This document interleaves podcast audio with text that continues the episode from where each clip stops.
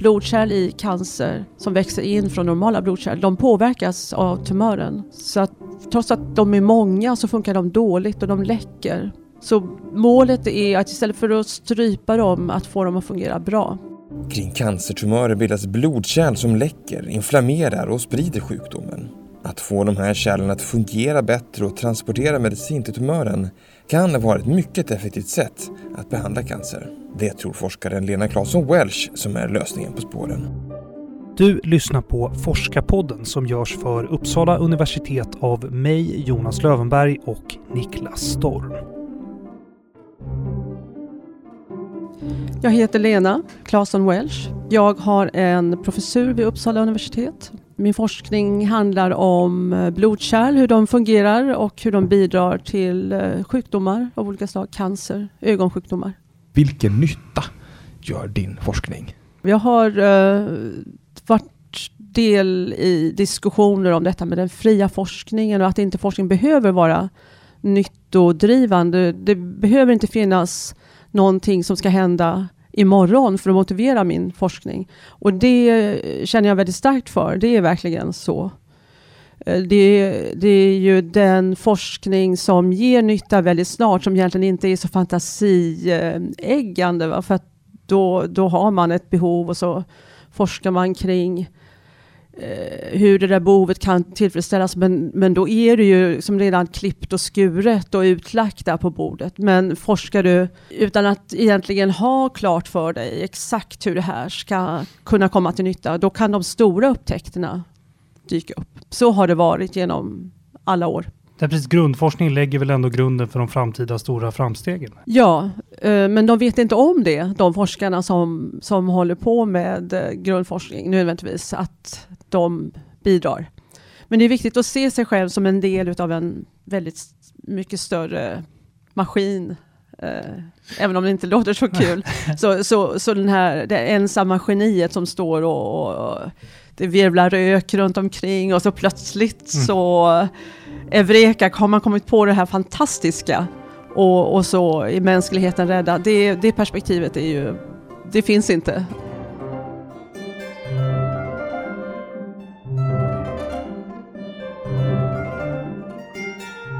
Jag kommer från en eh, liten by i Småland där jag växte upp med mina föräldrar som var lärare i en B-skola.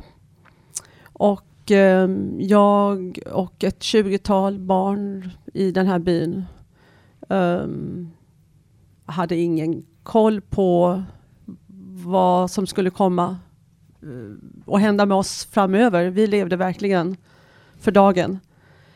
Ehm, så mm, det här med att jag skulle bli läkare, det var ju någonting som kom fram under min gymnasietid. För då hade jag bra betyg, så jag använda de betygen, göra det mesta möjliga utav dem. Och då var läkare ungefär det svåraste jag kunde komma på. Så då, mm, då kom jag till Uppsala. Och ehm, det var ju helt okej. Okay och jag jobbade faktiskt lite som läkare också. Men det var ju först när jag kom i kontakt med forskningen som jag verkligen blev gripen och tyckte att eh, jag såg mig själv i, i det. Hur gick det till då? Ja, det var ganska vanligt då att man hoppade av och gjorde andra saker. I min kurs var det många som hoppade av och började forska. Och även lärarna bidrog till det. De pratade om sin forskning och erbjöd möjligheter att pröva på. Jag förstod att jag tänkte på rätt sätt och att jag var fingerfärdig. Men samtidigt så var det ju problemlösning och leka detektiv. Man hade någonting man skulle ta reda på och en känsla för hur man skulle ta sig dit. Och, och jag var bra på det. Vi kommer att prata ganska mycket med dig om cancer. Mm. Men eh, jag tänkte vi börjar på en väldigt så grundläggande nivå. Vad, vad är cancer? Cancer är ju ofta en samling celler i kroppen som eh, växer okontrollerat. Så de har slutat lyda kroppens lagar. Det är, det är något fel med dem och det är ofta en mutation i DNA. Okej, okay, och var, var, varför uppstår den här mutationen? Ja, den kan uppstå av en slump. Det är faktiskt så att cancer ofta drabbar äldre, eller ju äldre man blir desto större är risken att man får cancer. Och det har att göra med eh, de mekanismer som styr celldelning, att de inte är perfekta. Så varje gång en cell i kroppen delar sig, då kopieras DNA och det görs inte helt felfritt. Det är 99,99 någonting procent eh, säkerhet. Men den där lilla procenten som inte är säker räcker för att det med då stigande antal med ökande ålder finns en risk för att det går fel och en förändring, en mutation då blir skadlig. Att cellen börjar det sätter kroppens reglermekanismer ur spel. Lyder inte de signaler från kroppen som säger nej nu stanna här, nu är ni tillräckligt många för att vara en, en tjocktarm eller en uh, muskel. Nu får ni inte fortsätta dela er. De lyssnar inte på det utan fortsätter att växa. Och det här innebär då också att cancer kan drabba alla varelser? Ja, alla varelser kan få cancer. Människor tillhör de som har störst risk för att få cancer. Så jag kollade det faktiskt nyligen att av alla dödsfall i världen som man har eh, information om så är det 15 procent som beror på cancer. Medan det hos husdjur är runt en halv procent. Men det har nog med livslängd att, att göra. Mm. Och varför är cancer dödligt då? Ja, det är ju inte alltid dödligt, så det är ju viktigt att säga det. Att det är många, det är hälften av alla som får cancer överlever. Och ju äldre man är, desto större är chansen också, eller ja, chansen att man överlever. Den värsta formen av cancer drabbar ju tyvärr unga. Jaha. Eh, men orsaken till att uh, olika cancerformer är mer eller mindre dödliga, det har ju att göra med att organet de sitter i, hjärnan till exempel, inte fungerar längre. Så är det för att det trängs undan det andra organet? Eller vad? Nej, det, det slutar fungera. Och, och, mm, en slags organkollaps, inte nödvändigtvis för att tumören helt och hållet har tagit över i volym, men det kan ha tagit över på ett sätt som drabbar ämnesomsättningen i resten utav organet. Så vi vet ju att cancerpatienter ofta magrar väldigt mycket mot, eh, med en allvarlig sjukdom. Och, eh, så cancern på något sätt eh, äter upp en eller har en sån stor effekt på metabolismen som vi säger att organet kollapsar. Hur kommer det sig att du blev intresserad av forskning på cancer? Alltså, jag har ju det där i mig att jag ska leta efter orsakssammanhang och gärna när det gäller sjukdomar något sätt att behandla på. Och det eh, skulle jag nog kunna ha blivit intresserad av vilken sjukdom som helst egentligen. Ehm, men nu har jag jobbat med tillväxtfaktorer och det är ämnen som kroppen producerar som gör att celler växer. Och det finns många kopplingar mellan de faktorerna och just cancer, men även ögonsjukdomar. Men jag skulle nog kunna så att säga tänt på andra sjukdomar. Sorry för men, det uttrycket. Nej, men det är ingen fara. Men, du, men, men vad, är mest, eh, vad är mest spännande med cancer då, nu när du ändå har valt inriktning här? Det är ju att um, det finns så många olika sätt att växa till på. Alltså, cancercellerna har det gemensamt att de växer okontrollerat. Men det som är intressant är att det kan ske på så många olika sätt. Så kroppen har en hel uppsättning kontrollmekanismer och eh, sätt att gå framåt på och bromsa. Så det är nästan en outtömlig eh, källa till kunskapsletande. Du forskar på eh, det här med blodkärl. Mm. Kan du berätta då, vad, vad, är sambandet mellan blodkärl och, och cancer? Ja, blodkärl um, finns ju i kroppens alla vävnader. Och när en cancer bildas så behöver den växa till. Ungefär som ett litet barn växer till. Och um, för det behövs blodkärl. Så cancern lockar blodkärl att växa in i tumören och då får tumören näring och växer ännu mer. Och eh, cancer kan också sprida sig genom blodkärlen. Så det finns mycket i, i detta med hur blodkärl underhåller cancern som sjukdom som gör att man har varit intresserad av att försöka hindra blodkärl från att växa in i tumören. Men då har man förstått att um, om man gör det medicinskt, man har läkemedel som hämmar blodkärl, då blir cancern mer aggressiv mm. och växer invasivt där den är. Så det går liksom inte att strypa cancern? Nej, så idén nu är att man ska få cancern att må bättre och få den att uppföra sig som en normal vävnad. Och minska svullnaden som ofta finns i tumörer. Alltså jag måste säga också att blodkärl i cancer som växer in från normala blodkärl, de påverkas av tumören. Så att de, eh, trots att de är många så funkar de dåligt och de läcker. Så målet är att istället för att strypa dem, att få dem att fungera bra.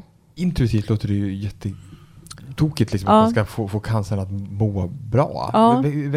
Jo. Växer den inte till sig mer då? Jo, men då kan man behandla den med, med, med, olika läkemedel som, som redan finns. Och problem, ett problem nu är att få läkemedlen att nå in i tumören. De ska ju in via blodet. Och om blodkärlen fungerar dåligt så når de inte in i tumören. Ja, okay. Alltså mm. de, de, medicinen läcker liksom från blodkärlen ja. innan den kommer? De, de uh, läcker, blodkärlen i tumören läcker och då blir det svullet och då ökar trycket in i den vävnaden, i tumören. Så det går inte att komma ut med saker och ting som finns i blodet. Men, och det här läckaget från blodkärlen också, det finns väl ett eh, problem med det också? Är det, sprider det cancern eller hur det? Läckaget från blodkärlen gör att eh, det går att ta sig in och ut genom blodkärlets väggar. Okay. Så att inflammatoriska celler tar sig från blodet och ut i tumören och inflammationen kan förvärra tillståndet. Och blodkärlen kan också då ta emot tumörceller som tar sig från tumören in i blodet. Okej, så, om, så om man ser till att cancervävnaden mår bra här så sprider sig inte cancern lika lätt? Exakt, så? Ja. så är det.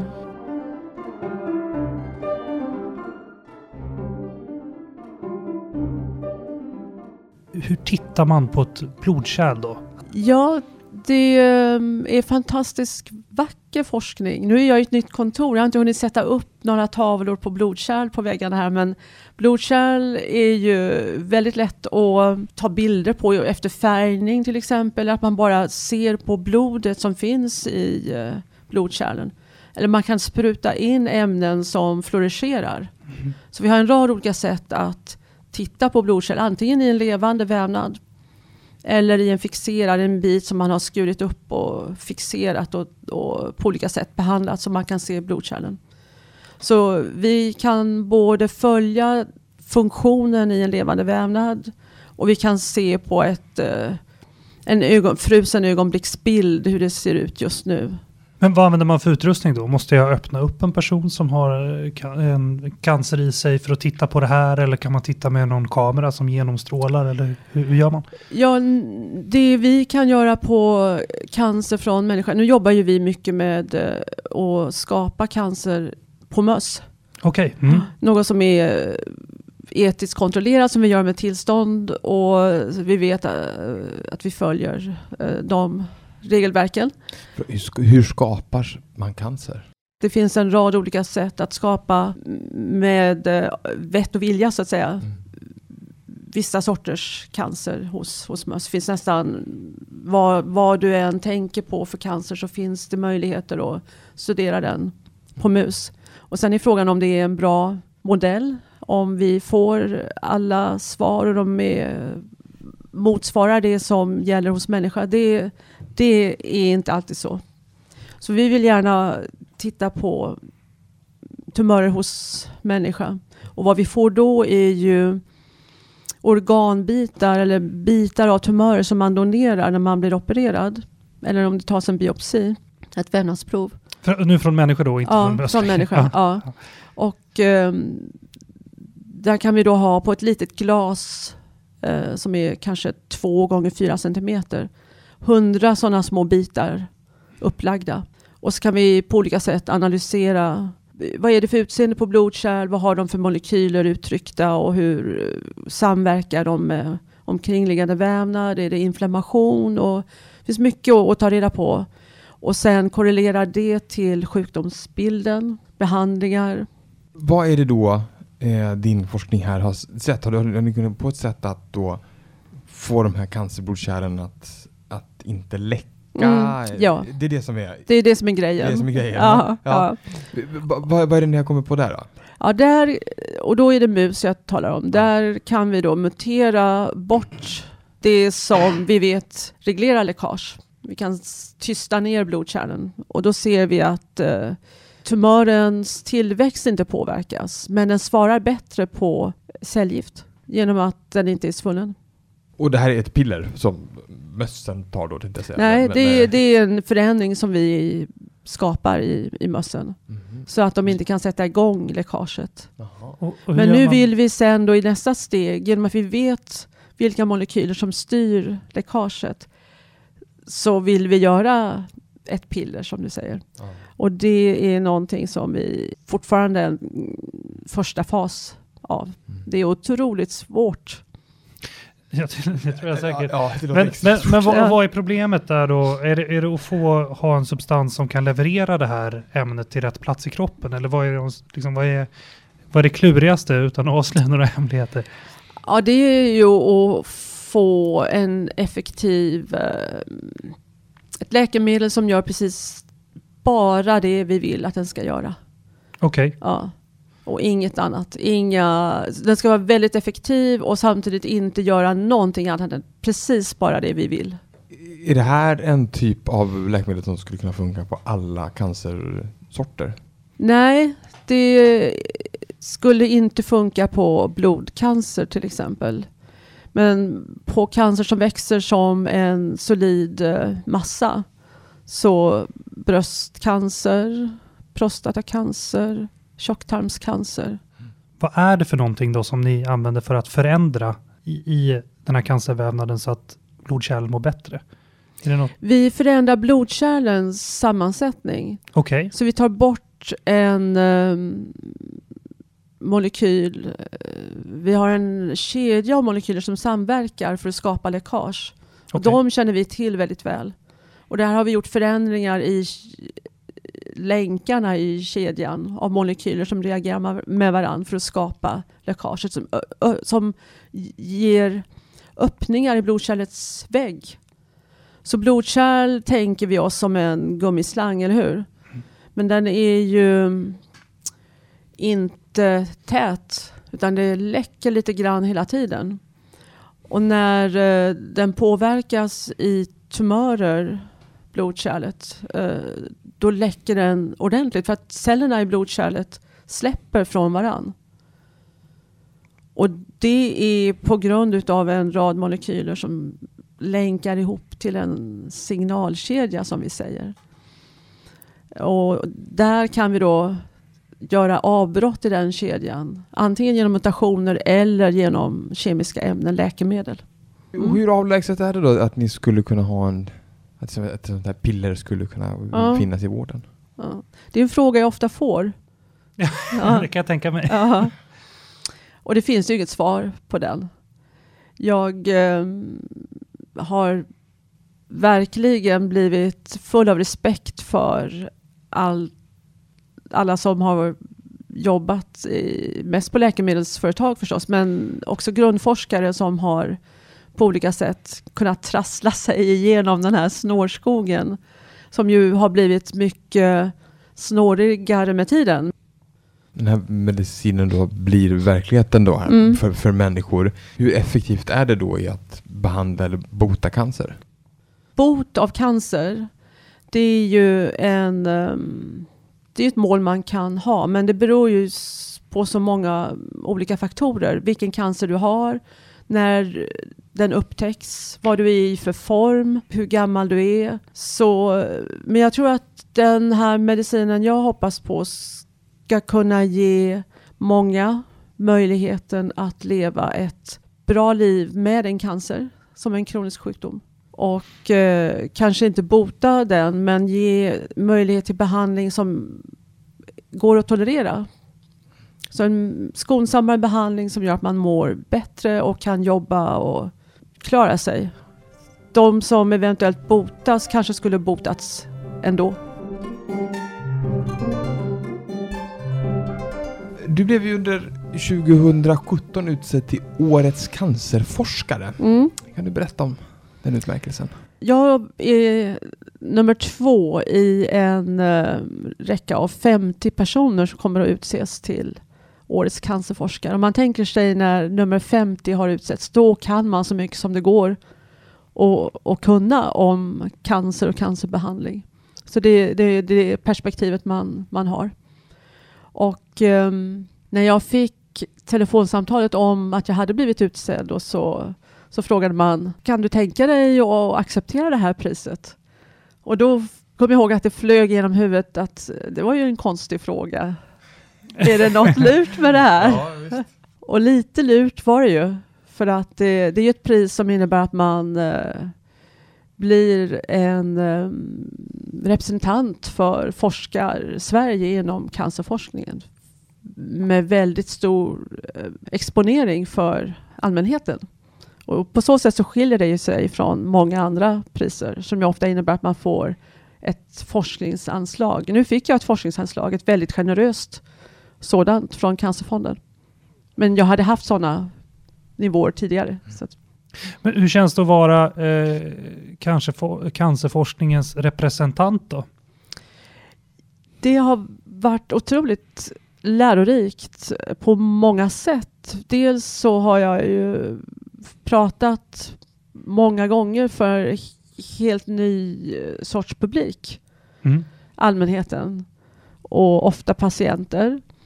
Och eh, jag har eh, verkligen inte tagit på mig rollen att vara den som är expert när det gäller behandlingar, för det är jag ju inte alls. Men jag har ju visst hum och jag har kunnat förmedla kontakter och jag har fått många frågor och hört liksom öden och eh, trassel som har berört mig.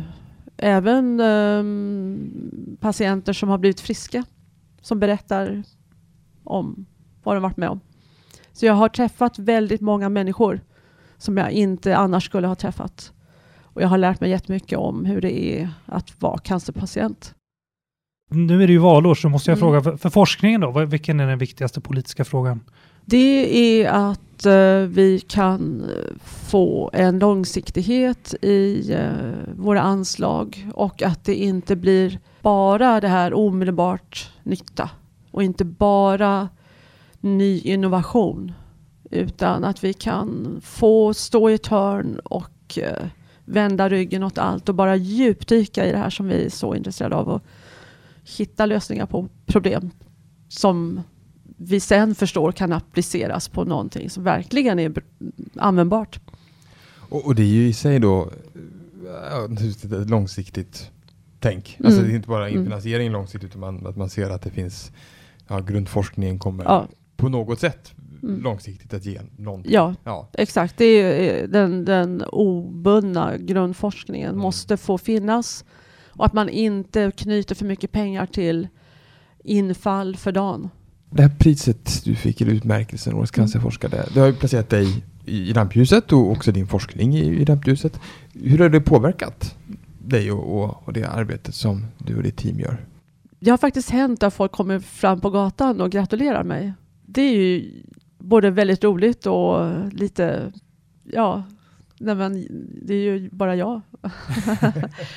så det har väl inte förändrats så mycket egentligen. Men jag har ju som sagt, som jag sa, lärt mig väldigt mycket av det och eh, det här att jag ges förtroendet att vara expert inom detta, det, det är någonting jag tar med en nypa salt. Men jag försöker förvalta det så väl jag kan. Och Cancerfonden som jag då har lärt mig mycket av, både hur jag föreläser, det här med att försöka faktiskt förklara alla de här detaljerna och göra det möjligt för en människa utan eh, massa år i studier och, och förstå vad jag säger. Det, det, har varit, det kan jag ju använda på, på andra sätt.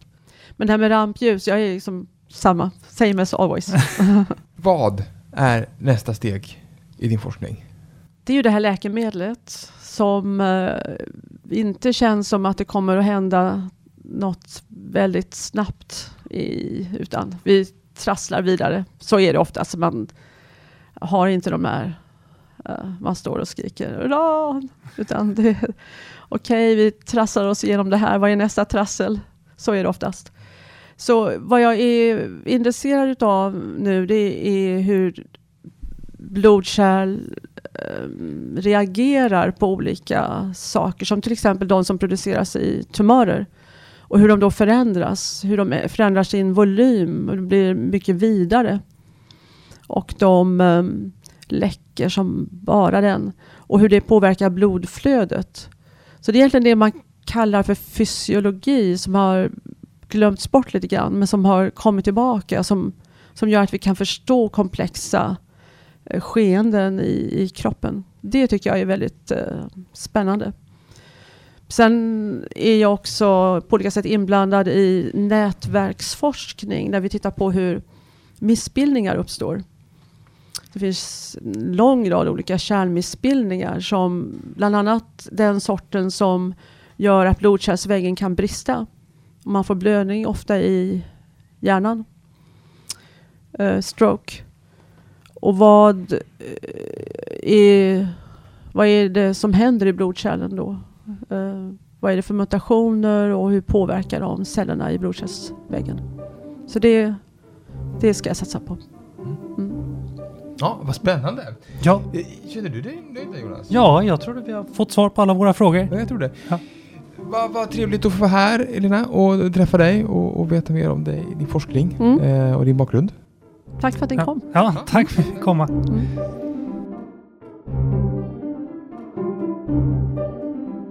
Du har hört Forskarpodden med cancerforskaren Lena Claesson Welch. Diskutera och kommentera gärna programmet på sociala medier. Använd då hashtaggen Forskarpodden. Eller mejla oss på forskarpodden gmail.com. Och i nästa avsnitt av Forskarpodden handlar det om klimatkrisen som Uppsala-forskaren Kevin Anderson jobbar med att avvärja.